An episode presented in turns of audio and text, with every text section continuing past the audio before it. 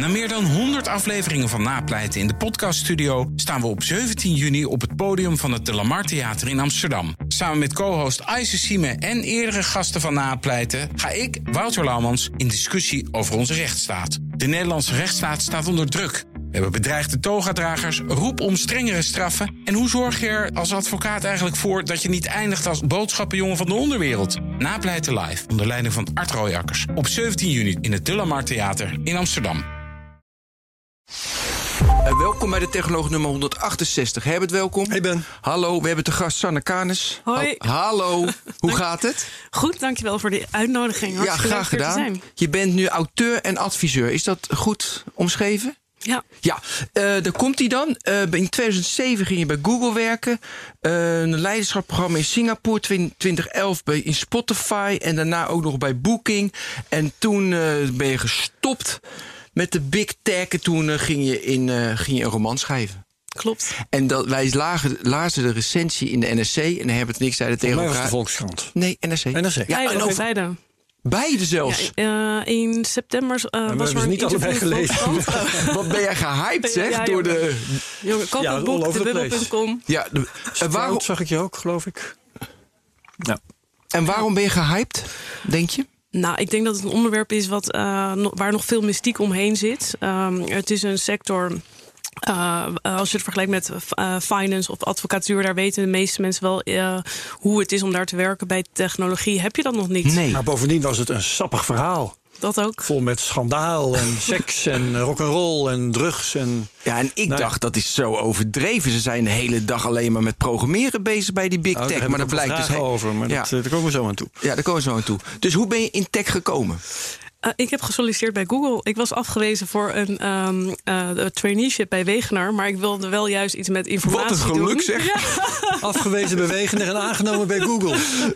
Dat Hoe kwam dat? Een goede volgorde. Je had muzikologie, muzikologie gestudeerd. Klopt. Um, ja, en mijn, maar mijn hart klopt uh, van muziek en ook journalistiek en informatie delen. Daar, um, daar wilde ik iets mee doen. Dus vandaar uitgeverij leek me leuk. Nou, dat lukte niet. Toen dacht ik, nou, een ander bedrijf wat wel zich hard maakt voor het delen en toegankelijk maken van informatie is Google. Ja. Uh, dus ik heb heel uh, bleu gesolliciteerd daar. Hoe was die sollicitatie? Waar, waar we het over gaan hebben, want er is heel veel mysterie rondom Big Tech. Want niemand wilde over Hoe praten. is het om er te werken? Ja, want Herbert, ik, ik luister dus wel gaaf. Ik luister ook heel veel podcasts. En nu heb je wel van die podcasts waar die oud-Apple-medewerkers vertellen dan hoe het dan is bij Apple eindelijk. Mm. Hele interessante insights. Ik wil, even, ik wilde even één noemen, moet je gelijk of dat bij jou ook zo was. Ze hebben heel veel restricties. Dus je denkt onbeperkt budget, ze kunnen doen wat ze willen. Maar in zo'n team, die krijgen, ze krijgen echt niks, vertellen dan die executives. Ze moeten echt onder heel veel restricties moeten ze tot iets komen. Bij Apple. Bij Apple. En dan vond ik, ja, ik heb heel veel verhalen erover, maar die ga ik er allemaal niet halen, want het gaat om jou, Sanne. Maar bijvoorbeeld heel veel restricties. Herkende je dat of was het onbeperkt budget? Uit je, nee, boek, ja. uit je boek concludeerde ik meer onbeperkt budget. Ja, klopt. Het verschilt ook wel per bedrijf. Hoor. Ik kan ze niet allemaal onder één kam uh, of over één kam uh, scheren. Maar uh, je hebt als team wel budgetten. Dus als je een nieuwe markt moet lanceren, uh, dan, dan heb je altijd te maken met een bepaald marketingbudget of, of wat dan ook. Dus, ja, maar was dat hemelhoog dat je dacht van dit slaat eigenlijk helemaal nergens op? Of was het uh, of was het constraint? En dat had je bij ja, Apple. Goeie vraag. Nou, uh, Dank u wel. Bij, uh, bij, het is eigenlijk in twee, twee opties heb je eigenlijk. of je hebt met budgetten te maken waar je echt een business case voor moet maken van oké, okay, maar als ik dit budget krijg, dan kan ik een ROI leveren van 10. Nou, dan, dan tik je dat af met je manager, dan, dan is het wel te doen. Of je gaat juist weer dat agile werken in. En als de test positief is, dan krijg je een hapje meer budget en dan ga je dat langzamerhand zo uitrollen. Dus dat zijn meestal de twee manieren waarop die budgetten zijn worden gewaardeerd. Ja. ja. Nou is het zo dat in de, het, uh, het fictieve bedrijf waar jij het over hebt in je boek, uh, daar klotst het geld tegen de plinten. En daar uh, wordt ook niet zachtzinnig met dat geld omgegaan. Er wordt lustig op los gedeclareerd. De raarste dingen worden gedeclareerd. En uh, niemand lijkt zich zorgen te maken om, uh, over, over, dat het geld wel eens op zou kunnen raken. Ben je dat ook bij die drie bedrijven waar je hebt gewerkt tegengekomen? Of? Dat heb ik zeker wel gezien. En dat was in, toen ik in 2007 begon Intech wel anders dan, uh, ja, dan nu. Twint, nu is er natuurlijk wel iets meer rigide manier van budgettering. Okay. Maar wat je eigenlijk wel ziet en wat ik ook hoor van vrienden die nu nog binnen Silicon Valley werken of bij andere start-up skill-up zitten. Er zit natuurlijk al, uh, altijd dan een dynamiek in van investeringen krijgen, investeringsrondes ophalen waar het in veel gevallen ook dus niet op kan. Um, ja. En, en uh, om je vraag van ja, hoe zit dat dan? Waarom is dat dan zo? Uh, dat, dat heeft te maken toch met het aantrekken van, en behouden van talent. Uh, omdat die talent steeds schaarster wordt, doet een bedrijf er alles aan om ja, met luxe etentjes of aandelenpakketten... Zoveel mogelijk in de watten te leggen. Precies. Ja. ja, maar het is toch opvallend dat je dan in de watten wordt gelegd door etentjes en caviar en champagne spuiten, 1500 dollar flessen tegen elkaar stuk, feesten, haha, uh, private jets, nou, hartstikke mooi. Maar goed, de echte, weet je, die wil gewoon zo, die wil naar Mars. Die wil een, die, wil, die wil een opdracht hebben die eigenlijk onmogelijk is, maar hij komt een stapje verder. Dat hij naar Mars gaat of alles elektrisch of, of iedereen aan de mobiele telefoon. Want dat is ook heel fijn. Weet je, dus dat vind ik wel apart dat je het dan zoekt in private jets.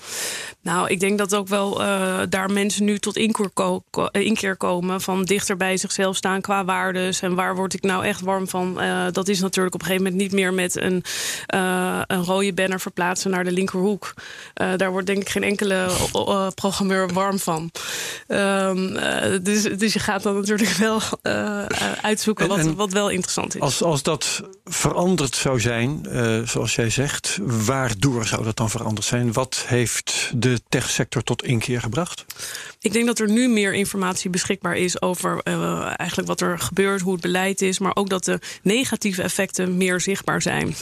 Um, en dat dat vijf jaar geleden nog niet echt. Wat zijn die negatieve effecten dan? Nou, hoe, uh, hoe er bijvoorbeeld um, om wordt gegaan met data en wat, um, uh, wat er uh, kan gebeuren als ah, dat op grote schaal bijvoorbeeld niet goed wordt gebruikt. Ja. We hebben natuurlijk al Cambridge Analytica gezien. Mm -hmm.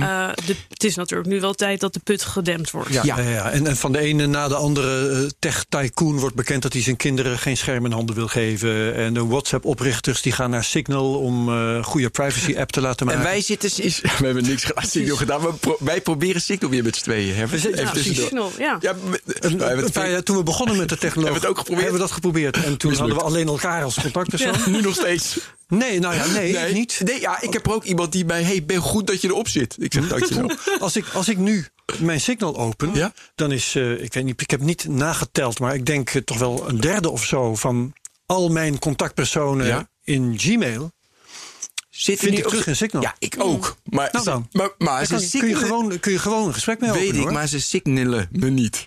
Maar goed, dit is... Dat jij, jij kunt ook beginnen. ja, weet ik. Nou, dit, dit, dit, okay. Denk maar ter terug. Want kijk, het is interessant, hè? Want het, in principe is het natuurlijk een heel nobel doel. Even Google, weet je, uh, iedereen alle informatie beschikbaar stellen. Heel nobel doel, Facebook, uh, iedereen verbinden. Allemaal heel nobel. Dus je zou kunnen zeggen, joh, je bent met het meest nobele van de wereld bezig de, de manier waarop komen dus excessen. Dus er zijn incentives waardoor die excessen ontstaan. Cambridge Analytica, uh, surveillance capitalism. Er komen excessen door de manier waarop. Maar je kan als briljante programmeur... kan je ook denken van... hé, hey, ik ga de manier waarop zo goed doen... waardoor het wel op een ethische manier gebeurt.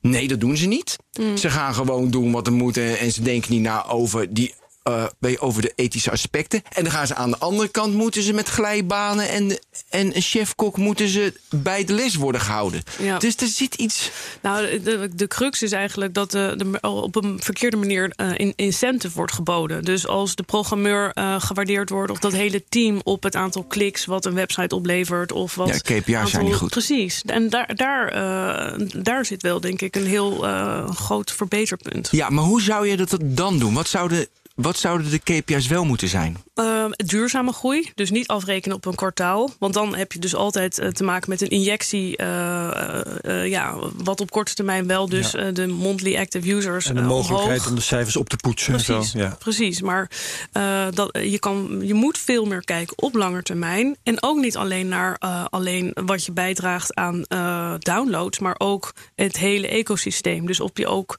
of je ook eh, daadwerkelijk eh, goed doet aan eh, de rest van het ecosysteem. En dan bedoel ik eh, de producenten, of dat de hoteliers of pizzaketen is of eh, bezorgers.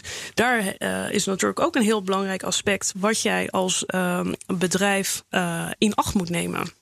Eh, eh, of je moet kijken naar het totaalplaatje van de hele beursgroei. Maar eh, ik denk dat het ideale model nog niet bestaat van de, de KPI's. Want, maar er wordt wel steeds meer gekeken naar hè, wat, wat kunnen we doen als be- bedrijf meer met maatschappelijke groei. Maar ja, dat is een lastige. Ja, en Ja, want eh, om daaraan toe te voegen, kijk, eh, bedrijven, zeker niet de beursgenoteerde bedrijven, die hebben eh, een iets onafhankelijke positie. Die moeten natuurlijk wel ehm, ja, verantwoording afleggen aan hun eh, aandeelhouders. Maar als je als klein bedrijf geïnvesteerd eh, een investering hebt en je moet daar eh, elk kwartaal weer eh, je, ehm, je plussen en minnen laten zien, dan, dan, dan moet je wel natuurlijk groei laten zien.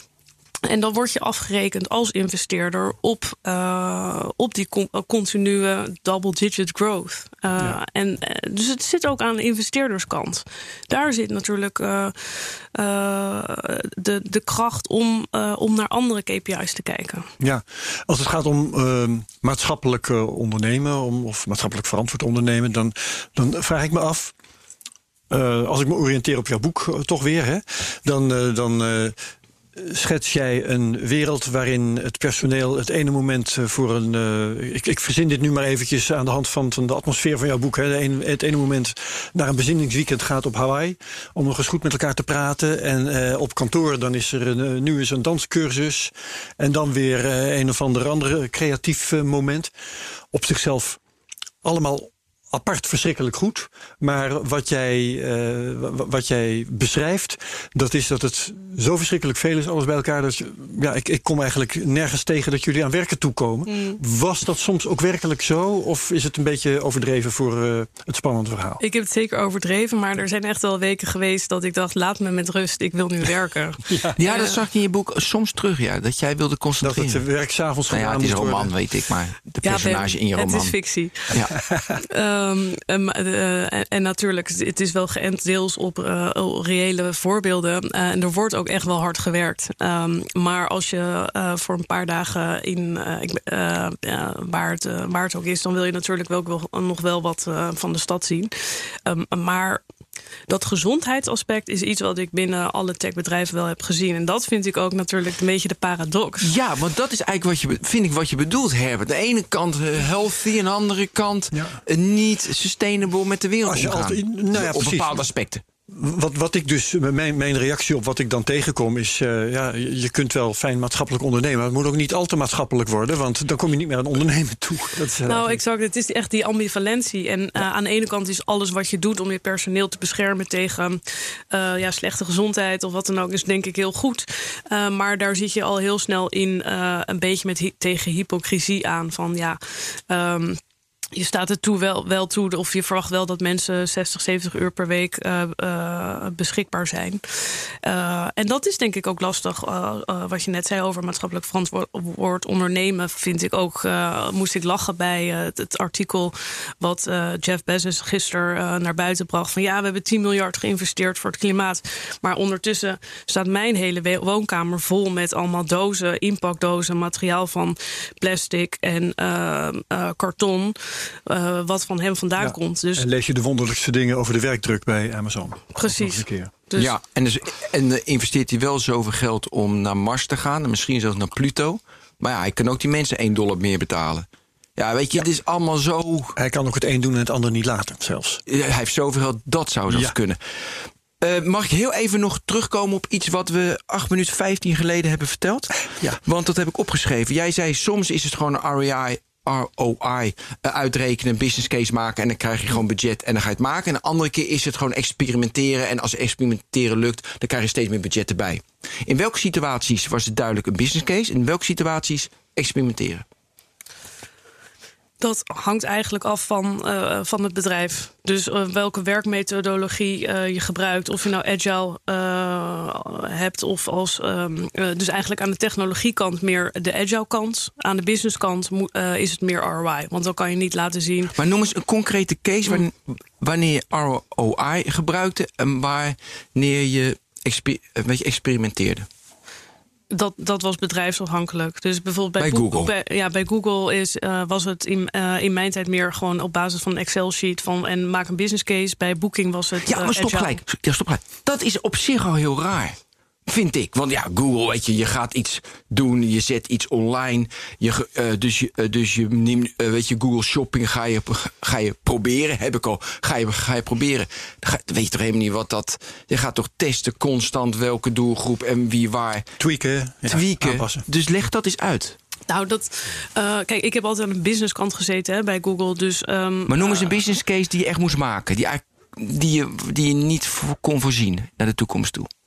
Ja, dat is twaalf jaar geleden, jongens. ja, maar het zegt heel veel over de cultuur. Dus daarom vind ik het interessant. Ja. Oké, okay, weet je niet, Spotify. Nee, dat kan even twaalf jaar geleden. Spotify. Daar was meer experimenteren. Mm, oh, ja, uh, in, sommige, in marketingcampagnes wel. Van, hè, heb, je, heb je tractie van ja. gebruikers? Uh, Oké, okay, dan growth, gaan we schalen. Beetje marketing. Precies, growth hacking. Um, maar uh, moeten we investeren in een nieuw land en daar een kantoor open, is gewoon Excel-sheet. Ja. Dus uh, wat is de total addressable market? Daar nemen we een x percentage van. Uh, aantal muziekliefhebbers. Ja, en dat dan vind kijken... ik eigenlijk ook wel logisch. Want je moet dat helemaal opzetten Ja, daar toch? in dat land. Dus je capex-kosten zijn hoog. Dus je kan niet... Je gaat niet lanceren en Nee. al kijken wel hoeveel mensen er gaan uh, inloggen. Ja. Nou, Mag ik. weten, waarom ben je... Want je ging van Google naar Spotify, hè? Ja, klopt. Waarom? Nou, uh, na vijf jaar uh, had ik denk ik mijn uh, leercurve wel gemaximaliseerd. En de, toen was er net een kantoor geopend in Nederland van Spotify. En ik dacht, ja, dan kan ik weer toch mijn passie muziek. Muziek, ja. Dat dacht ik al. Ehm, vroeg ik het. Ja, en dat de combinatie van muziek en mijn kennis van digitale technologie, ja, dat is fantastisch. Alleen waren er toen weinig banen beschikbaar. Er was één baan als key account manager. Ik dacht, nou, top, dat wordt hem. Um, en toen heb ik dus een jaar hier op Nederland gezeten. Fantastisch, want dat was, we zaten in een oud kantoor in Amsterdam Oud-West, een oude school. we hadden een printer, een koffiezetapparaat, maar dat was het dan wel een beetje. En een tarievenkaart moest nog ontwikkeld worden. En we zaten er op Dus je moest letterlijk... adverteerders binnenhalen. Ja, ja, ja, ja. ja precies. Dus met de mediahuizen praten, de grote merken van Nederland. En, en, en zorgen dat ze ook begrepen wat een audioadvertentie was. Dat was voor heel, heel veel mensen en adverteerders nog on, compleet iets Wauw, maar ze kennen toch ook radioreclame wel? Ja, precies, precies. Maar wij hadden het voordeel dat er wel uh, op geklikt kan worden. Dus daarom was het ook duurder. Ja. Uh, uh, omdat je gelijk iets kan kopen of een meetbaar Tuurlijk, was. Ja. Maar ja, wij konden dan minder zien wat het bereik was. Wij hadden natuurlijk niet een GRP of een bereik wat, wat hier bij BNR ja, normaal is. Dus ja, dan moesten we de adverteerders binnenhalen met misschien 10.000 gebruikers. Ja, dat is voor heel, veel, voor heel veel grote merken was dat toen nog helemaal niet interessant. Ja, ja. Omdat Spotify Leuk. toen nog minder uh, groot was. Precies, precies. We, we, zaten toen in het rijtje van Shazam, Groove Shark en uh, Last FM. Uh, met, oh ja, is dat groene, die groene app, ja, ja, ja. En dat was toen ook nog voor een deel uh, invite only. Dus echt een handjevol bereik. En kun jij voor ons, als je dat wilt, um, Google en Spotify als bedrijf eens met elkaar vergelijken? Hoe valt die vergelijking uit? Uh, nou, toen ik bij Spotify begon, hadden we wereldwijd 300 uh, gebruikers. Dus dat is officieel nog, uh, of gebruikers, sorry, uh, medewerkers. Okay, dus ja. dat was echt een skill-up. dus um, ja, daar had ik ook echt wel contact met de CEO of management. Die kwam dan gewoon invliegen om te horen van, hè, wat zijn jullie nou, jullie Nederlandse bedrijven? Dus dat was veel platter. Um, in, bij Google heb ik de CEO wel op het podium gezien of, of wat dan ook, maar daar had je nooit echt een contact, ja je bent Nederland, dus je bent Ja. niet echt uh, heel belangrijk. Um, maar qua cultuur uh, vind ik de overeenkomst dat er gewoon heel veel open, diverse, internationale mensen werken. Die heel nieuwsgierig zijn en heel erg bezig zijn met persoonlijke ontwikkeling. Uh, die ook echt leuk vinden om s'avonds nog uh, uh, met elkaar tijd door te brengen. Omdat je toch een soort van dezelfde mindset hebt. En je staat open voor echt voor samenwerking. Dat is ook wat je in je Ehm, boek beschrijft trouwens. Hè? De hoofdpersonen daar die zijn voortdurend ook met elkaar bezoekjes aan het afleggen, gaan uit met elkaar enzovoorts. Precies, precies. Gewoon echt een hele leuke, open cultuur waar iedereen wel echt zichzelf kon zijn. Of dat gevoel heb ik wel altijd gehad. Um, het verschil zit hem denk ik ja, in die hiërarchie, die platte organisatie. En uh, omdat Spotify nog echt die urgentie had om zich te bewijzen. Uh, Google was een groot beursgenoteerd bedrijf. En Spotify die had uh, misschien drie, vier investeringsrondes gemaakt. En die moest het opnemen tegen uh, Apple. Dus dat was echt uh, Calimero natuurlijk vechten om die muziekindustrie open te breken. Waardoor ja. nog steeds heel veel weerstand ook was van de platenlabels. Die ook aandeelhouders waren. Ja, maar ook dat wel was interessant. natuurlijk. Ja, die platen. Ja.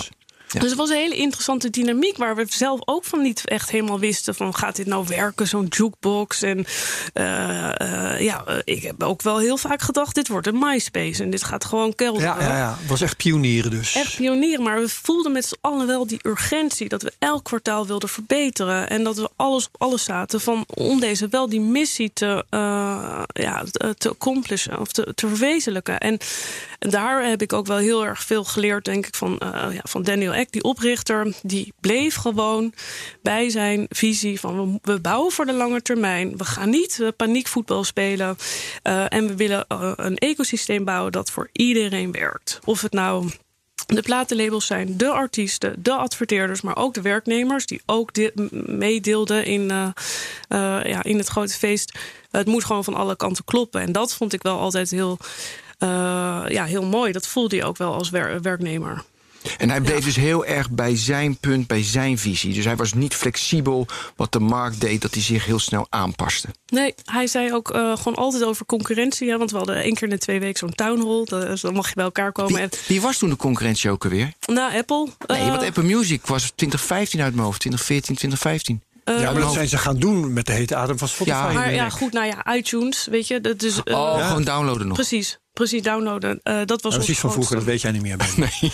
ja, en op een gegeven moment hebben ze dat wel opgericht. En dat ze ook al het radiotalent hebben weggekocht. Om dan maar dat playlisting groter te maken. Of, en ook een kans te geven. Um, maar je voelde dus dan wel die, die, die urgentie van uh, ja, we moeten het wel gaan maken. Kun je iets vertellen over, want bij Spotify denk ik altijd direct aan van goh, dat die platenmaatschappijen, weet je, die werkten tussen aanhalingstekens mee. Weet je, die, je had een deal met de platenmaatschappijen. Daardoor had Spotify heel veel data, waardoor zij een goede play, weet je, dus, dus een playlist kunnen maken en je weekly en noem allemaal maar op. Dus ze konden bouwen, mede omdat ze gewoon de platenmaatschappij betaalden. Uh, en de artiesten die verdienen niet zoveel, volgens mij nog steeds zo. Nee, die verdienen veel meer uh, dan als het bijvoorbeeld op de radio wordt uitgezonden of op YouTube. Precies, dus nou, ja. dat hebben ze nu ook geregeld, dus mooi. Maar toen nog niet, weet je, was heel van, ik moet... Want ja. jij hebt trouwens ook een nummer, Herbert, op Spotify, even tussendoor mag Meer dit. dan tien al. ja? ja, serieus. En? Oh, ik heb het laatst nog nagekeken. Dat is hilarisch. Ik heb um, in een uh, jaar tijd, geloof ik, 81 cent verdiend. Mooi. Ja, zo goed dat je het experiment doet. Zie je ja. dat? Dus je verdient als artiest. Het echt ja. Ja, ja, ja. heel veel. Nee, terug. Goeie oude dag heb ik er straks aan. Dat ze die, uh, dat ze die platenmaatschappijen, nou, dat die dat deden, dat was eigenlijk, nou ja, fijn. Weet je, en nu is het -hmm. gewoon een film. Kun je daar iets over vertellen? Was je erbij betrokken? Hoe dat ging, die onderhandeling? Ja, je was niet bij die onderhandeling, snap ik ook wel. Maar weet je daar iets van? Nou, uh, ja, dus ik ben op een gegeven moment naar Amsterdam, naar Londen te gaan, ja. uh, gegaan. En daar uh, iets meer dan vier jaar gezeten om meer die businesskant te trekken. Dus uiteindelijk strategie, operations gedaan. Um, en, en meer ook naar, aan de partnerships. En bij, toen heb ik wel uh, iets dichter bij het, bij het vuur gezeten, omdat daar de zakelijke beslissingen worden genomen met New York. Um, maar daar werd vrij geheimzinnig uh, over gedaan hoor, hoe die onderhandelingen er echt gaan. Maar toen was wel die dynamiek een gevoelige dynamiek. Want je bent, uh, nogmaals, die platenlabels waren investeerder. Want die wisten ook wel, we moeten iets met digitaal. Maar we weten niet wat we zelf moeten doen. Uh, dus we willen wel ons indekken als dit de toekomst wordt, dan hebben we tenminste nog wel een, uh, een, een aandeel daarin. Maar ja, goed, er is natuurlijk altijd angst. Uh, nog steeds, denk ik, vanuit de platenlabels. Ja, maar wat als Spotify, die zoveel data heeft, een eigen platenlabel begint? Uh, want nou ja, ja, wat ze nu. Uh, weet je, met, eh, dus met podcast proberen ze natuurlijk al zelf de rechten, dezelfde content te hebben. Maar kunnen ze dat nog wel? Want de labels zijn aandeelhouder, die kunnen daar toch gewoon voor gaan liggen? Eh, maar toch minderheid allemaal? Ja, dat, eh, dat kan, maar eh, inderdaad zijn minderheidsaandeelhouder. En dat, de podcastboot, dat is iets wat de labels wel echt hebben gemist. Dus, ehm, en daar, kijk, als je kijkt naar het businessmodel, dan heeft Spotify heel goed gekeken naar Netflix. Want je, moet zelf die content creëren. en dan kan je marge ja. gewoon Ja. optimaliseren. Dat kunnen ze met die muziek niet meer doen, met die catalogus. Dus ze zitten altijd met een marge. Met het eh, percentage wat ze af moeten dragen aan die labels vast. Dus ja, dan moet je als bedrijf natuurlijk wel Ja. diversificeren als er geen rek en geen leverage is eh, vanuit de platenlabels. Ja, en dat is dus knap van de platenlabels dat ze daar nog steeds tussen zitten. Want artiesten als Herbert, weet je, die gaan rechtstreeks naar Spotify. En als natuurlijk een grote artiest een platenlabel niet nodig zou hebben, dan is het ook raar dat ze dat nog Ja. steeds nodig hebben. Maar het is dus nog steeds nodig. Dan moet het dus wel via Spotify en dan hebben ze zelf minder. Ja, precies. En nou, dan gaat de column van deze week over eh, in FD dat er steeds meer juist op basis van data artiesten ontdekt worden. Dus echt met artificial intelligence eh, worden gekeken naar welke eh, artiest is populair. En dat eh, gaat dan te maken met het sentiment wat leeft op alle social media. Daar kan veel meer worden afgeleid dan als je als artist en repertoire manager 20 concerten moet aflopen. Dat is, dat is natuurlijk geen schaalbaar model. Ja. Dus de nieuwe platenmaatschappij, die, die kijkt alleen naar social en het aantal views die ze hebben. Als ze gewoon iets uploaden op YouTube bijvoorbeeld. Precies. En zo bekijken ze of Precies. ze moeten contracteren. alleen maar data scientists die kijken naar wel wat is de grootste groei. En of dat een meisje in Indonesië is of een, eh, eh, een boyband uit eh, Almere. Maakt niet uit. Maar daar, er is gewoon opeens een nieuw level playing field. Ja. Elf nummers, heb ik even geteld. Ja, heel, heel goed. ik ga, ik, want ik maak de show notes. Daar komt een linkje naar jouw Ja, Spotify. yes. Ja, geld, mooi. geld. 81 naar 82 cent. Zo. Ik, maar, ik weet- ik wilde heel graag erop door, maar dat doe ik niet. Want we moeten het over de cultuur bij Andere techbedrijven keer, hebben. Maar. Spotify. Wat over boeking wil ik ook nog wel horen. Ja, dat doe kan maar later. Nee, doe maar nu boeking. Boeking, vertel eens over boeking. Eh, nou, heel en want, eerst mijn vooringenomenheid over boeking. Dat is gewoon leuk, want dan hebben we een keer een ander. Nu ga je anders je neutraal vertellen hoe mooi boeking allemaal is. Vertel. Ik, heb ik ga naar Las Vegas, een nieuwe vakantie. Maar ik vlieg via Las Vegas. Ik ga wandelen in de berg in mei. Dan nemen we de twee. Ja, heel gaaf. En, maar dan moest ik dus een hotel boeken. Nou, jongen. En ik heb bij mensen die ik ken bij, bij Citizen M... Heb ik, ik heb echt geklaagd. Een hotel boeken. Weet je, vier, vijf, zes jaar geleden... Ik ging naar Booking. Ik geloof het allemaal wel. Dat is de goedkoopste. Ik vind het prima. Maar nu, je moet naar Trivago. Google, die gaat ook allemaal, allemaal verschillende prijzen. Eh, dan ga ik natuurlijk naar Booking. Je moet echt moet direct naar het hotel toe. Het scheelt echt tientallen euro's. Scheelt het. De hotelbranche is ziek geworden. Toen vroeg die een vriend van mij bij Citizen M... Ben, naar welke stad ga je? Ik zeg Las Vegas. Hij zegt, ja, maar dat is ook het meest... Weet je wel, daar is, dat is echt... eh, ge- nou, ja, dat is verschrikkelijk daar. Dus het is erg, maar die, maar die eh, hotelindustrie... Probeer eens een reisbureau. Ja, nee, maar dan ga je weer terug. Maar Booking ook van je nog drie kamers beschikbaar. Oh, wat eng. Dat- Ja. Maar goed, Booking, dat is mijn vooringenomenheid. Nu ga je alles ontkrachten. Nou, eh, ik, eh, ik vind het ontzettend knap hoe ze in korte tijd zo'n eh, natuurlijk miljoenenbedrijf Ja, over uit mijn de rug. grond hebben gestampt. Over jouw rug. Ja. Om maar je kan toch ook bij. Citizen M direct boeken? Weet ik? Nee, waar gaan we door? Sorry. Ehm, dus kijk, ik, ik, ik heb daar alleen maar respect voor. Hoe je zo snel een, een, eigenlijk een spelletje onder de knie kan krijgen. Dat je altijd gewoon eh, systematisch op nummer 1 staat. Of het nou Hotel Amsterdam, eh, Hotel Berlijn, eh, wat dan ook is. Dus dat hebben ze heel snel onder de knie gekregen. En natuurlijk enorm gecapitaliseerd. Ehm, eh, ik vond het een heel, eh, een heel internationaal bedrijf. Hè. Ik had denk ik wel twintig nationaliteiten in het team.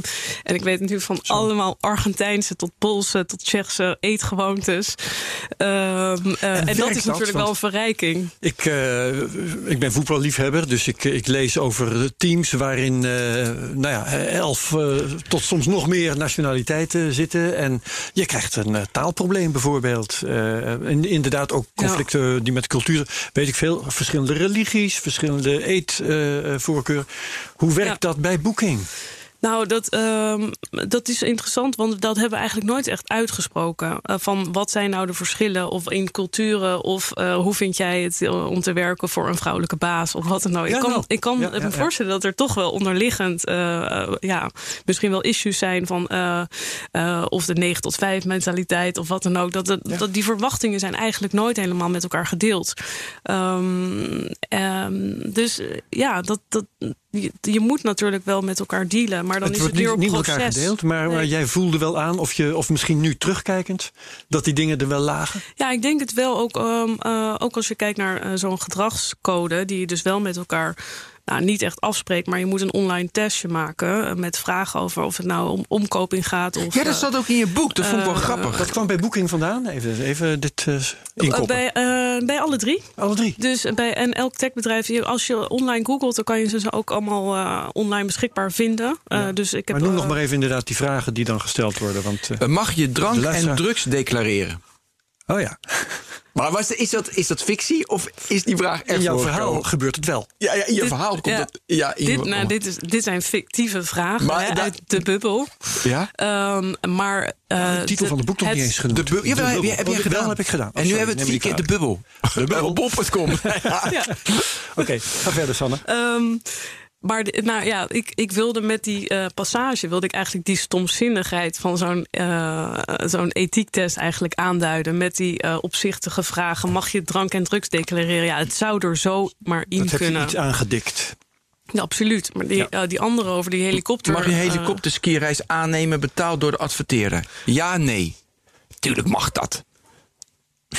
nou, dit was dus wel een uh, onderwerp van discussie bij. uh, Ja, maar dat dat ja. een onderwerp van discussie is. Dan heb je... Maar het is wel leuk, want dat is mijn vraag. Uh, ik, hoe was het niveau? Dat kan je misschien heel slim zijn, maar dan ben je qua empathie, sociale intelligentie ben je iets minder. Nou, precies, Ben. Kijk, iedereen kan natuurlijk zo'n zo'n testje wel voltooien. Maar het gaat erom dat je juist met elkaar die discussie aan moet gaan van wat is oké okay en wat, waar liggen die lijnen voor jou. Want het is voor een 25-jarige Argentijn natuurlijk heel anders dan een 40-jarige. Um, ja, uh, man uit uh, weet Ja. ik veel waar. Snap Ook je? dat Dus- soort vragen over een helikopterreis betaald door de adverteerder bijvoorbeeld, bedoel je? Mm, ja, ik denk dat iedereen daar. Ja, dat denk ik wel eigenlijk. Ik denk dat die. Die natuurlijk, als je dag en nacht ploetert voor een relatie opbouwen met, uh, met iemand. En ja. Je Mhm. vindt dat je daar recht op hebt. Die kleine schaal op ergens recht op hebben. Hè, dat entitlement, dat komt er snel in.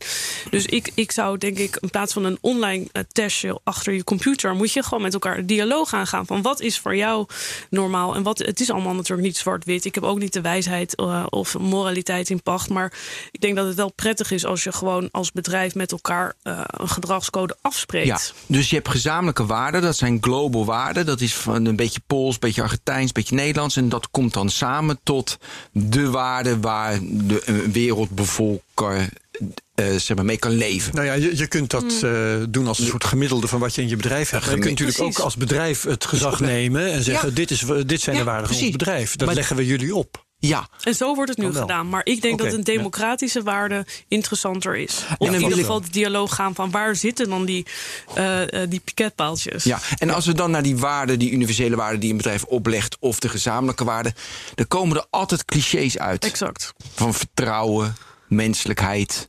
openheid, Ja, Team. nou ja, en team. There's no I in team. Ja, weet je, maar weet je, allemaal dat soort onzin. Dus maar hoe ga je dan, om even de vraag stellen, hoe Ja. ga je daar nou mee om? Nou ja, ik, ik wil nog iets anders in de groep gooien. ehm, want wel- waar ik aan dacht toen het ging over die helikopter, toen dacht ik van nou ja, ehm, in een commercieel bedrijf kan dat eh, misschien nog wel accepta- acceptabel zijn. In de zin dat je de, de adverteerder niet voor het hoofd wil stoten door die reis te weigeren.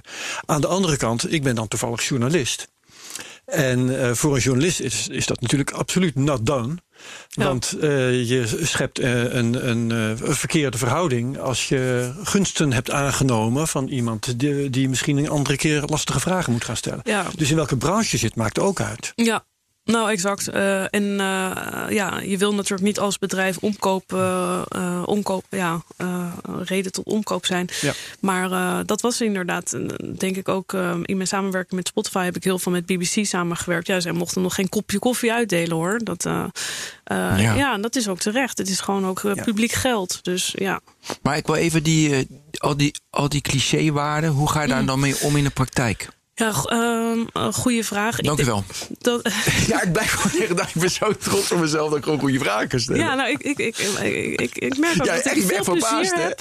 Nee, ik ben helemaal niet verbaasd. nooit Ik weet dat Oh, jullie de, lat hoog leggen. Maar ik, ik heb er gewoon veel eh, plezier in, in deze 30 minuten die we nu aan het kletsen zijn. Je mag nog 30. Dus, En dan moet je weg. Ja. Stuur je de deur uit. Weet ik precies, dan gaat het wel. Nou, kom op, even Ja, door. dat ga je nu laten uitpraten. Eh, eh, nou, ik denk dat het echt een, eh, wel een denkexercitie moet zijn van het managementteam. hè dat, dat het concreet wordt. Maar wat, want als je zegt, oké, transparantie, wat bedoel je daar dan mee als bedrijf? Bedoel je dan dat alg- algoritmes bloot moeten leggen? Of bedoel je dan dat je toegang hebt als IT-afdeling tot jouw computer? Wat bedoel je met transparantie? Maar het Ja. blijft altijd inderdaad zo vaag. Ehm, dus ik denk dat die, die, die stap tot concretisering beter moet. Ehm, ja, en ook gewoon weg met al die inderdaad die clichés of die, eh, die b-hacks, waar ik ook eh, eh, in mijn boek natuurlijk een beetje. Was het ook weer eens een afkorting Big, van, hè? Harry, Harry's audacious goal. En gewoon al die, Ja. die clichés en die kopieën van één Bedrijfsmissie. Ja. daar kan gewoon wel iets kritischer naar gekeken worden. Want nu lijkt het allemaal een soort eh, aftikoefening. Eh, dus de, weet je, je doet dat als management weer op een, een high-sessie en dan tada, we hebben het. Maar ik ben daar iets kritisch over, omdat ik vind dat al die theorieën uit Silicon Valley, of het nou Lean Up, lean, sorry, de Lean Startup is, of Value Proposition, worden gewoon één op één gekopieerd en daar wordt nooit meer nagekeken van. ehm, eh, is dit niet ook al bedacht door of het nou Insiat is of Nijrode of wat dan ook? Nee, het is weer de nieuwste hype waar dan elke start-up op inspringt. Ja. En wat ook zo is, als je namelijk met elkaar gewoon, je gaat naar Mars, ik noem het even Mars, maar je kan ook zeggen, we willen alle informatie van de wereld eh, eh, willen we openbaar maken. Of je, Organiseren, ja. gewoon, je, wil, je, hebt een, je, wil iets met elkaar en dat ga je met een team doen. Ja, weet je wel, dan heb je, het, heb je helemaal niet nodig dat je transparant moet zijn of open of uh, adapter, want dan heb je dat gezamenlijk doel. Dus het valt me op dat het vaak zo. Dan ben je alleen maar bezig met de cultuur om dat goed te houden. Terwijl ja, uiteindelijk moet je dat grotere doel bereiken. Ja. Heb je dan gemerkt dat daar een frictie in zit? Of is dat een frictie die ik nu verzin? Ehm, nou, ik zit even terug te rekenen. Ehm, ik vind het wel bijvoorbeeld eh, wat ik online zie, bijvoorbeeld van LinkedIn, eh, waar, waar ik dan de hypocrisie van afzie. Van het is gewoon duidelijk dat zij natuurlijk eh, een heel erg businessmodel hebben, wat gewoon. Eh, ja, geld verdienen is. En het is, dan ko- komen ze toch weg met... ja, willen mensen een betere baan bezorgen of wat dan ook. Dat is natuurlijk wel zo. Maar eh, in die end is het eigenlijk... de secundaire goal wordt dan de eerste goal. Ja. Ja, want als je uiteindelijk niet genoeg geld verdient, dan verander je gewoon de missie. Dat is hoe het in de praktijk gaat. Precies. Dat je wel genoeg geld verdient. Dus Dat, dat, is de eh, prioriteit. Nou ja, dat hebben we ook gezien bij Don't Be Evil. Dat is toen toch uh, Ja. in 2011 volgens mij aangepast. Ja. ja. Um, misschien dat, dat dit het moment is om even tevoorschijn te halen dat, dat, uh, gesmeid met geld. Uh, dat dat mm. beschrijf je in je boek. Hè? En uh, dan denk ik.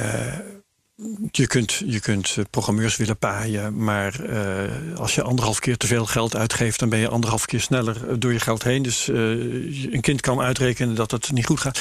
Maar eigenlijk, waar ik eigenlijk naartoe wil is, dan wordt er in elk geval in jouw verhaal wordt er waanzinnig met geld gesmeten. En toch vinden ze het blijkbaar een goed idee om vrouwen 30% minder te betalen dan mannen. Uh, is dat in werkelijkheid ook, komen die twee dingen, uh, kun je die bij één bedrijf samen vinden? Um, Want ik vind dat zo raar. Ja, Als je dan toch geld zat hebt. Ja, dat, nou, ik denk dat er door, door de linie wordt er binnen tech echt wel te weinig uh, betaald aan vrouwen. Ja.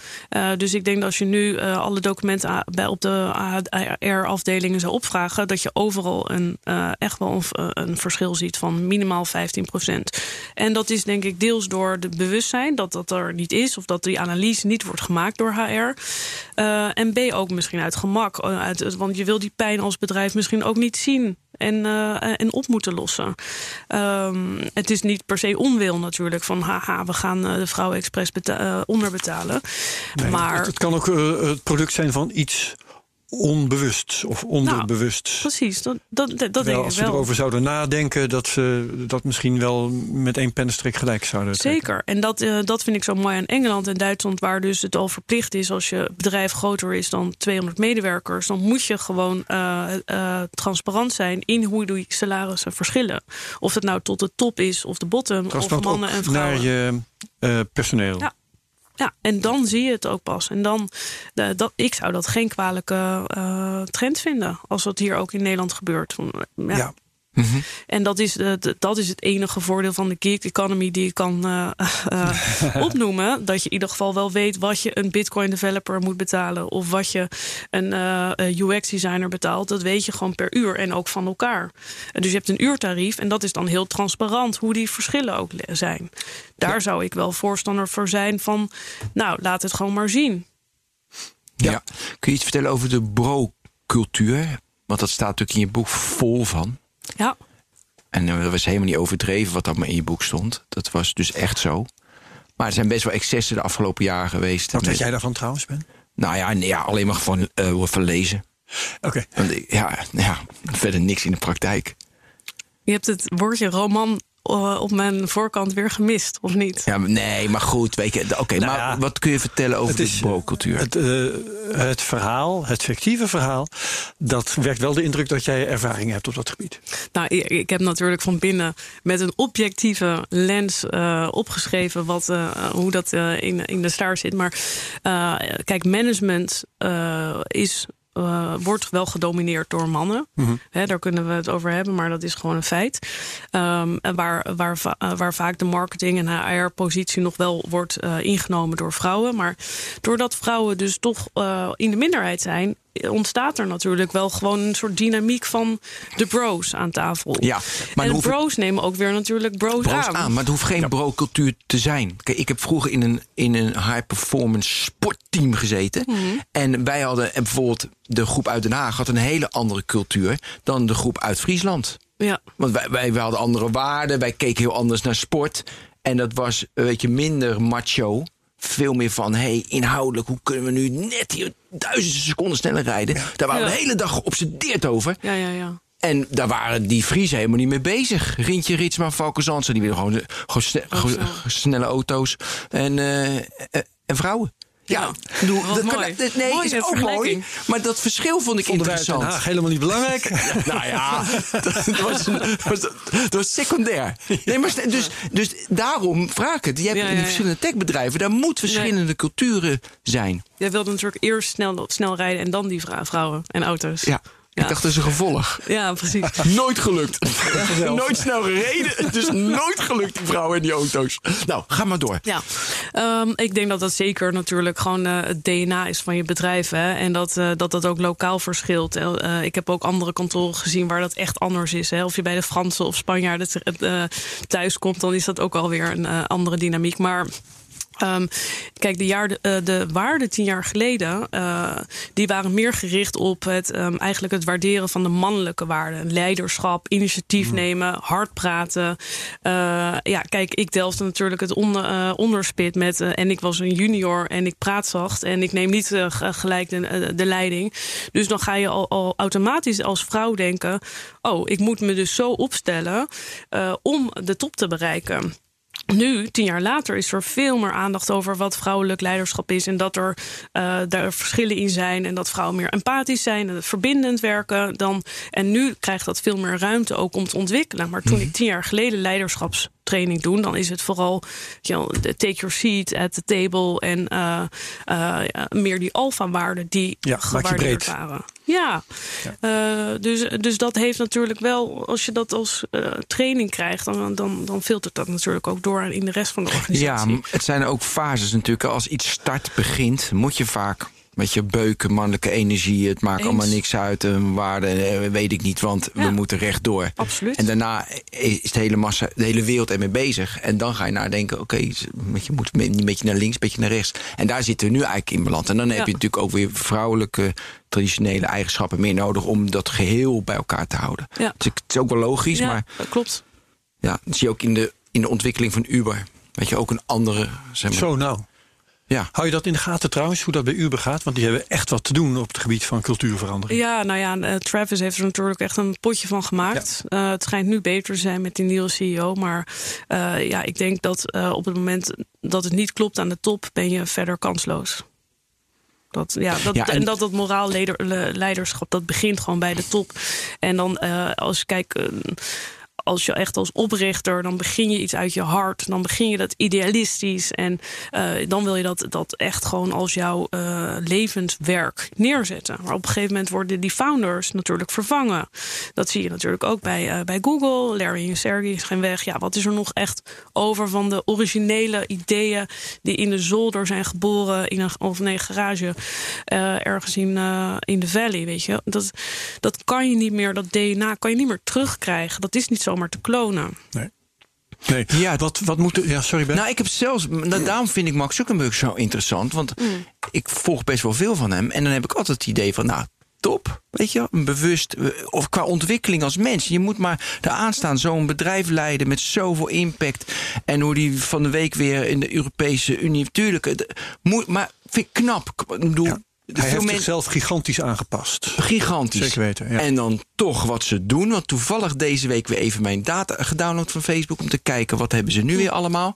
En dan denk ik, wow, weet je, allemaal een beetje GDPR. Want ik wilde even kijken hoe het nu zit. Ja. Ja, en dan denk ik toch weer van, ja, in het doen gewoon. Voor mensen is het nog bijna hetzelfde, heb ik het idee, als drie, vier, vijf jaar geleden. Terwijl hij anders praat. Dus er zit een mismatch in. Dus ik vind, ik vind die wel lastig. Wat jij Ja. zegt van ontwikkelen en andere Ja. waarden. Want in het doen heb je zoveel verantwoordelijkheden... dat lukt bijna niet meer. Het is te veel, het is te veel ontspoord. Het is te ver weg. Ja. Je hebt geen controle Dus meer. wat, wat moet er nu Ja, eh, nog veranderen? Want je, je zei net al aan het begin van dit gesprek dat er eigenlijk al redelijk wat veranderd is in de technologie sector eh, vergeleken met nou ja, 2007, toen jij zo'n beetje begon. Wat moet er nu nog veranderen? Nou, ik denk dat er eh, gelukkig wel een heel nieuw, nieuwe generatie tech-startups eh, de kans heeft om het beter te doen. Ehm, eh, je ziet ook nu, nu aan Stanford dat er ethieklessen worden gegeven binnen de opleiding technologie. Het wordt echt part of the curriculum. Dat vind ik een goede ontwikkeling. Ehm, maar ik, er moet gewoon veel meer aandacht komen binnen, eh, binnen een nieuw bedrijf voor die, eh, die ethische en morele kant. Nou, dat kan op twee manieren. Dat kan je natuurlijk zelf als bedrijf in gaan richten. Dat moet je ook doen. Hè. Bij het ontwerp van je product moet je al dat, eh, dat stuk gaan meenemen. Ethics by design. Precies. Ehm, maar daarnaast eh, eh, heb je als overheid ook een taak om daarop te letten. Kijk, wat je in de, eh, om de parallel te leggen met finance, je ziet daar dat bijvoorbeeld een accountant is altijd verplicht om mee te kijken en een audit te doen. Nou, dat zou je ook kunnen bedenken bij, bij, bij, bij techbedrijven als het gaat om ethiek. Hoe Ja. worden die algoritmes ontworpen? Wat gebeurt er met datadelen? Wat is de privacy en waar zijn eventuele schendingen? Daar moeten Ja. gewoon audits voor komen. Er is, er is alleen één moeilijkheid. Als je kijk, als je zegt, moet ethiek een rol spelen bij ondernemers, zegt iedereen ja, dat is makkelijk. Ja, Maar dan eh, eh, komt de vraag, eh, welke ethiek? Ja. Want je kunt gewoon van mening verschillen eh, over de vraag, bijvoorbeeld of je die helikopterreis mag accepteren. Nou, dat is één voorbeeldje, maar eh, goed. Je hebt allerlei soorten ethiek. Waar dit, dit mag wel eh, volgens deze cultuur en dat mag niet volgens die cultuur. Dus wat, hoe neem je die stap? Hoe, Ja. hoe be- bepaal je, hoe definieer je wat er mag en wat niet? Ja, nou, ik denk uiteindelijk dat je als consument met de meeste problemen te maken gaat krijgen in over tien jaar. Zijn het algoritme ontwerpen en de privacy en de data. Dat zijn de vraagstukken waar je nu ehm, eh, moeten na- nadenken als maatschappij. Hoe willen we dat dit wordt ingericht? En ehm, eh, hoe kan het dat ik over tien jaar geen hypotheek krijg omdat het algoritme nee zegt en ik woon in de verkeerde postcode? Of dat ik ehm, de keuze heb dat ik 50 euro per maand betaal om een eh, digitale atlas te hebben of een mailprogramma, maar ik wil wel de keuze hebben. Kijk, en dat, zijn, dat moeten we als een soort van handboek gaan maken eh, in samenwerking met de, de, de wetenschap. ehm, met ehm, ehm, bedrijfsleven of in, eh, daar gewoon goed over nadenken. Wat, wa- waar, waar liggen de, uiteindelijk eh, de randen daarvan? Ja, ja, ja. dus je, jouw antwoord is dus niet eh, dit mag wel en dat mag niet, maar eh, op zo'n manier moeten we met z'n allen zoeken naar nou ja, waar we het over eens zijn, wat het ook wordt.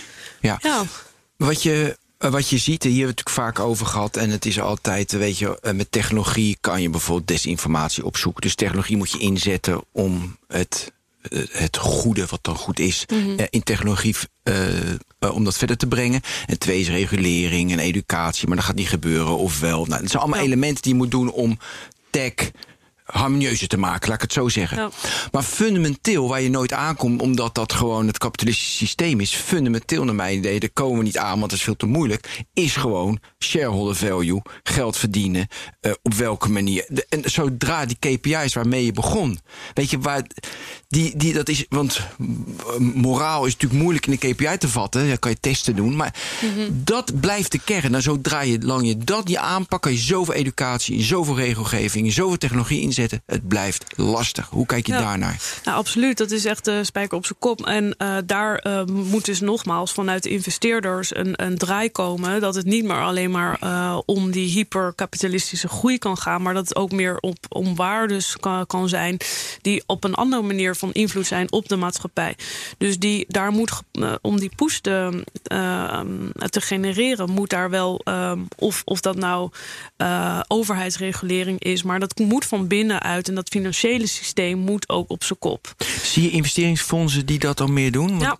Oh, ja, er zijn, eh, nou, in Portugal zijn een aantal fondsen die heel snel aan het groeien zijn als het gaat om sustainable groei. Hè, dus ehm, eh, dat, die kijken echt naar ehm, wat is de bijdrage van dit product op de maatschappij. En daar wordt niet geëist op eh 50% jaar op jaar groei, maar gewoon meer op lange termijn groei. Mhm. Dus eh, het voordeel daarvan, als je dat nu al tackelt, is dat je uiteindelijk de millennials aan je gaat binden, omdat je minder kosten kwijt bent aan recruitment. Millennials geven aan dat ze dat, eh 86% vindt het belangrijk dat hun morele waarden passen bij de, dat van hun bedrijf. Ten opzichte van 9% van de babyboomers. En nogmaals, kijk, babyboomers, een andere generatie, die hadden ook minder keus. Wij zijn nu verder op de piramide van Maslow gekomen. Dus we hebben ook een keuze om, eh, om, om daar moraal ook eh, een betere keuze in te maken. Ehm, dus als je dat als bedrijf nu al goed inricht, dan heb je lange termijn zeker wel een, eh, een concurrentievoordeel. Want ook natuurlijk je litigation kosten zijn minder. Hè? Je gaat minder snel de fout in. En eh, als PR-marketing eh, voor je bedrijf, als je het goed doet, kijk, moet je kijken bijvoorbeeld naar Tony Chocoloni. Die heeft nooit, denk ik, betaald eh, een marketing ingezet, weet ik niet. Maar ze staan toch elke dag in de pers ongeveer. Omdat het gewoon zo'n eh, Ja. heel mooi bedrijf is met gewoon goede, gezonde waardes. Ja. Nog, nog eventjes ehm, eh, terug. Want ik wil de, de vraag over ethiek wil ik nog eh, op een andere manier stellen. Ehm, waarom is het eigenlijk niet genoeg om je gewoon aan de wet te houden? Eh, dat is een goede vraag. Maar eh, de, de wet is denk ik op dit moment niet voldoende. Al Als je kijkt hoeveel ehm, monopolie er nu is en hoeveel machtsvorming er is binnen een bepaald handvol bedrijven, moet, mm, ja, is dat wel gezond? Moeten die bedrijven niet worden opgeknipt? Want ja, Ja. lokale ondernemers krijgen nu geen kans. Eh, ze hebben te veel informatie. Ehm, ja, Dus in de praktijk blijkt inderdaad dat, dat als je eh, alleen maar aan de wet houdt. Ik zit even hard op te denken hoor, gewoon. ja. Als je je alleen maar aan de wet houdt, dan gaan er toch dingen mis waarvan eh, eh, je met je gezonde boerenverstand zegt: dat willen we eigenlijk Ja, niet. die wetten zijn niet ontworpen om al deze digitale revolutie waar we in zitten, om die helemaal te omvatten. Ja, ja. Dus inderdaad, daar toch ook andere principes op loslaten. Ja, dat denk ik wel. Ja, ik Ja. vind het compleet belachelijk dat we in Nederland niet eens een minister van eh, digitale zaken hebben voor zo'n grote eh, industrie die bijna eh, meer oplevert dan financiën. Vind ik dat echt een schande. Want er moet iemand bezig zijn met niet alleen legislatie. Ik ben niet alleen voorstander om bureaucratie natuurlijk eh, eh, ehm, en- en meer, meer bureaucratie ehm, op te eisen, maar ehm, eh, we moeten wel gewoon eh, daar met, eh, eh, met de overheid naar gaan kijken van ja, hoe kunnen we dit stimuleren en innovatie stimuleren op een wel een constructieve manier. Dat het eh, niet de consument ten nadele Ja. Ja, Eh, het, het woord eh, eh, bedrijfsethiek heb ik ergens opgedaan. Waarschijnlijk in, eh, in een interview met jou. Ik denk niet dat het in je boek staat. Ehm, maar eh, dat, zou, dat zou iets goeds eh, kunnen zijn. Eh, maar eh, iemand extra in dienst nemen voor de ethiek... dat kun je een kleine start-up niet aandoen, denk ik.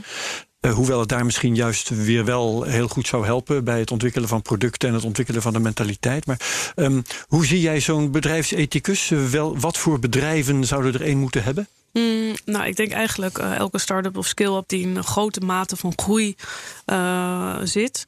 Uh, er wordt uh, je moet het je wel kunnen permitteren, hè? dat is natuurlijk ja, lastig. Klopt, maar je moet wel na, uh, realiseren dat je op een gegeven moment, als je dat niet doet, over tien jaar in de knoei kan komen. Net als ja. dat je een legal advisor in de hand neemt of een financial advisor. Die neem je niet permanent in dienst, maar wel voor een paar dagen consultancy. Dat moet je ook gewoon met dit soort vraagstukken doen.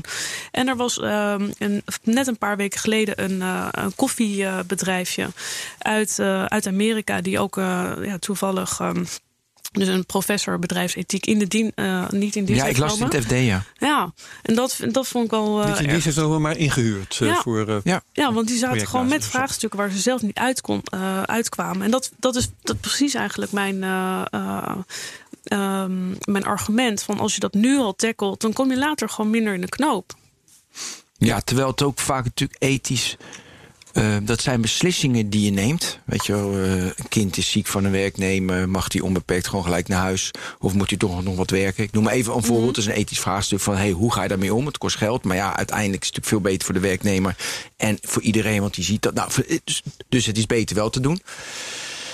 Dus ook gewoon gezond verstand, naar mijn idee. Dus dan moet er een ethicus moet dat gaan vertellen... terwijl jij een beetje besef hebt van wat er speelt in de wereld. Kun je het ook zelf bedenken? Dan kun je het daarbij die idee zelf bedenken. Of ik onderschat nu Ja. het vak ethiek. Nou nee, kijk, met ethiek bedoel ik meer bedrijfsvraagstukken waar je product of service uh, mee te maken heeft. Dus uh, uh, je product wat je ontwerpt, uh, hoe je dat uh, in elkaar zet, maar ook hoe je dat uitrolt. Hè? Um, ik werk bijvoorbeeld ook met startups die willen per se niet uh, marketing doen op Facebook. Dat is een van hun principes. Ah, oh. Um, uh, ja, en dan dat, dat, dat staat gewoon niet, uh, niet dicht genoeg bij, uh, bij hun. Dat vinden ze ethisch onverantwoord. Dus dat kan ook een voorbeeld Wat zijn. interessant. Ja. Ja, ja dat, dat, dat, daarmee maai je een beetje gas voor mijn voeten weg. Want ik uh, wilde net zo'n beetje naar de vraag toe. We, we hebben het tot nu toe gehad over dingen. Tenminste, zo stelde ik me dat voor. Die jij het bedacht. En waarvan jij graag zou willen dat ze werden toegepast.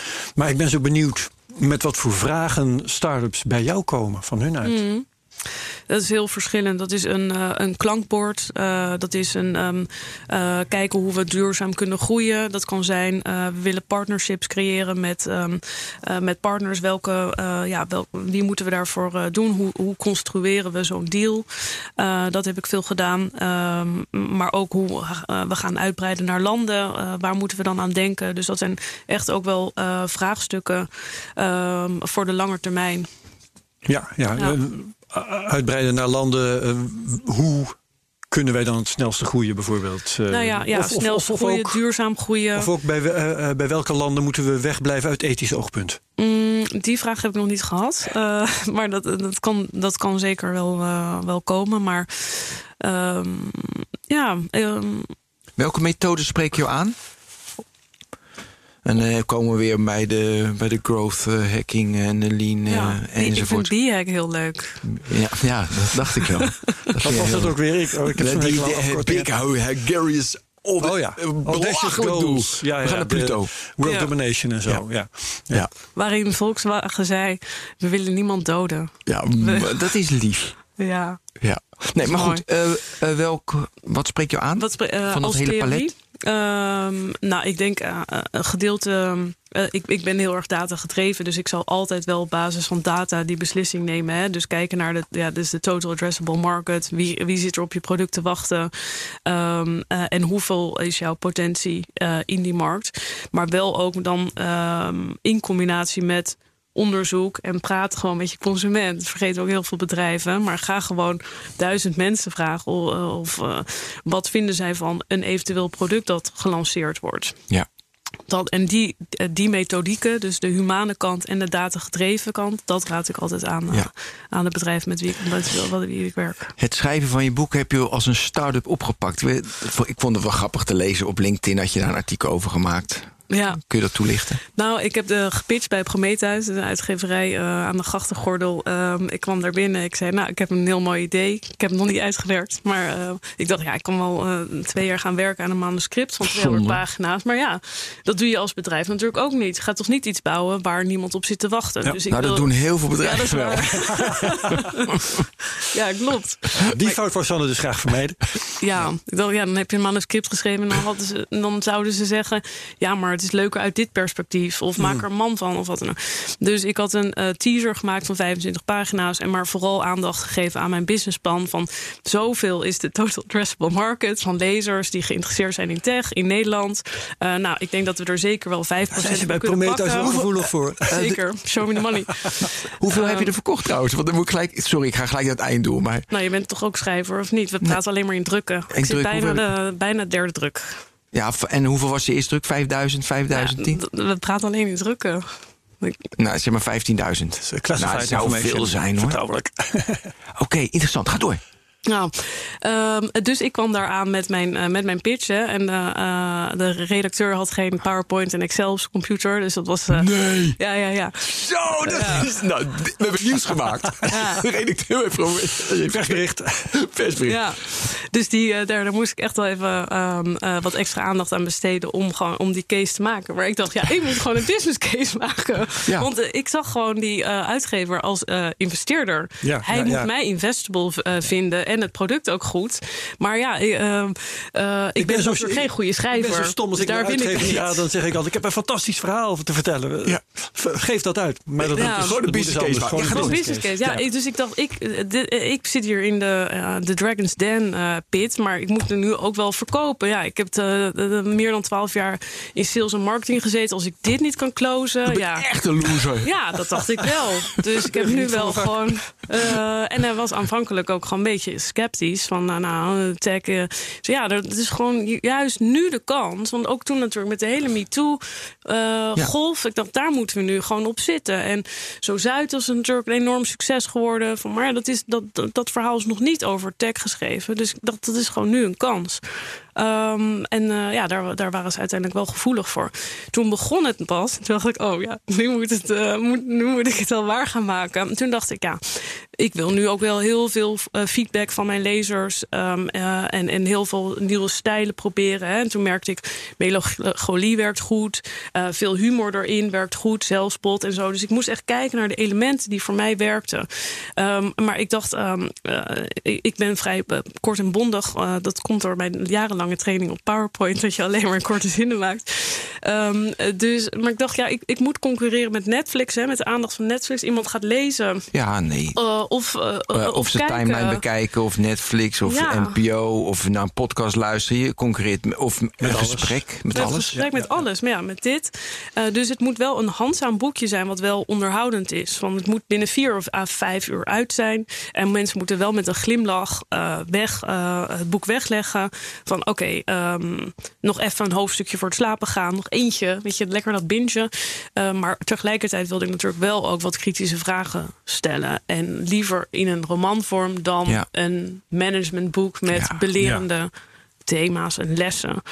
Ehm, dus dat vond ik heel erg belangrijk. Maar uiteindelijk dus in mijn eh, werkkamer.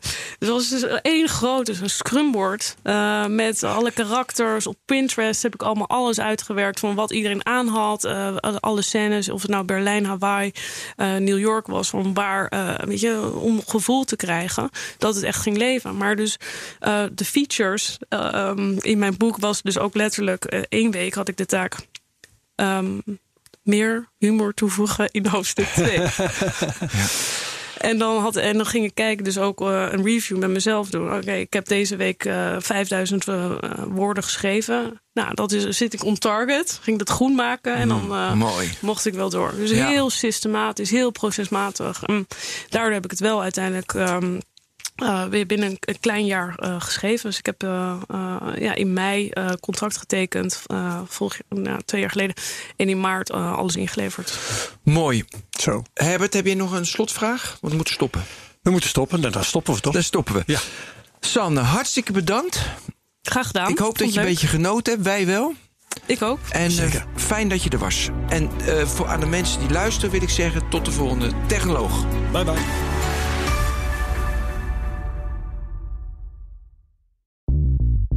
Bij BNR ben je altijd als eerste op de hoogte van het laatste nieuws. Luister dagelijks live via internet. Bas van Werven. En heel langzaam komt de zon op rond dit tijdstip. Je krijgt inzicht in de dag die komt op BNR, het Binnenhof in Nederland en de rest van de wereld. De Ochtendspits. Voor de beste start van je werkdag. Blijf scherp en mis niets.